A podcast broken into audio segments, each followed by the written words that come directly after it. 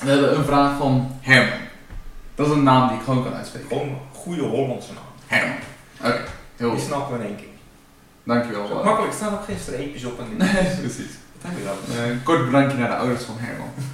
Eh, maar Herman die, die wil eigenlijk weten van hoe kan ik een, een goede weekplanning maken. Hij zegt zelf van daar kan ik nog wel een, een stapje in zetten denk ik.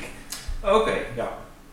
We hebben het ooit wel over eh, planningen gehad en over doelen stellen. Ja, ja ik kan zeggen, zullen we daar gewoon in voortgaan. Hè? Dus eh, even voor deze video gaan we er gewoon vanuit van je hebt al, eh, nou ja, laten we zeggen, een soort GTD-systeem. Ja. Je hebt takenlijstjes en je hebt je, je, hebt je hogere doelen allemaal staan. Eh, je, je big audacious goal, je vijf jaar doelen, jaren doelen, et cetera. Ja. Dus nu, eh, nu even specifiek alleen maar op het, op weekplanning. En waar je mee begint voor een weekplanning is eh, dat je een weekdoel hebt. Want als je geen doel hebt, kan je geen planning maken. Dat is eigenlijk in alle gevallen zo, dus Ja. ook voor je weekplanning.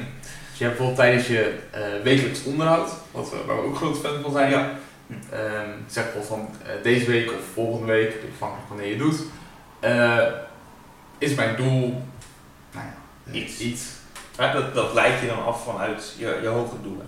Maar je, je, je kortstbijste hoge doel. Ja. of dat het nou een jaardoel is of een kwartaaldoel, dat even aan jou.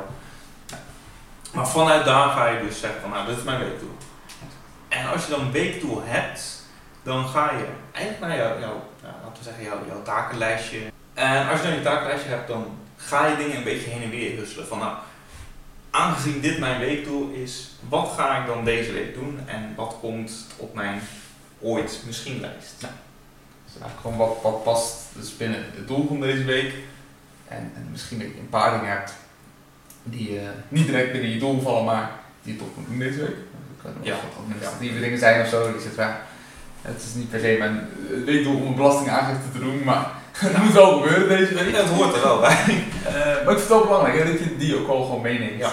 ehm, in dat. Ja, dus eh, eigenlijk ga je gewoon heel die lijst ga je door en alles ga je kijken van, nou, is het een, een, een moet, moet deze week of is het in context van mijn weekdoel?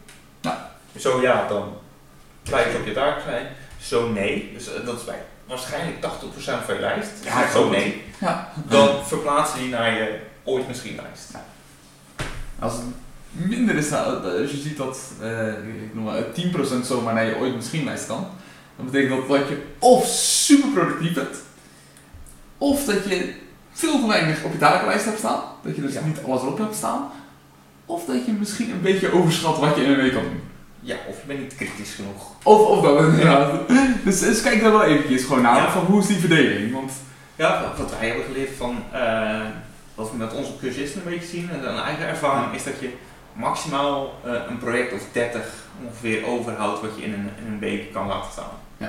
Dat is wat, wat binnen de scope past eigenlijk, van wat, je, wat die week relevant is. en dat zijn dan projecten in, in, in termen van eh GTD zeg maar, eh, Dus alles wat meer dan instappen. Ja. Hey. hey, tof dat je nog kijkt. Eh, als je nou wat hebt gehad aan deze video en je vond het leuk, klik even op die duim, hè, dat like-knopje.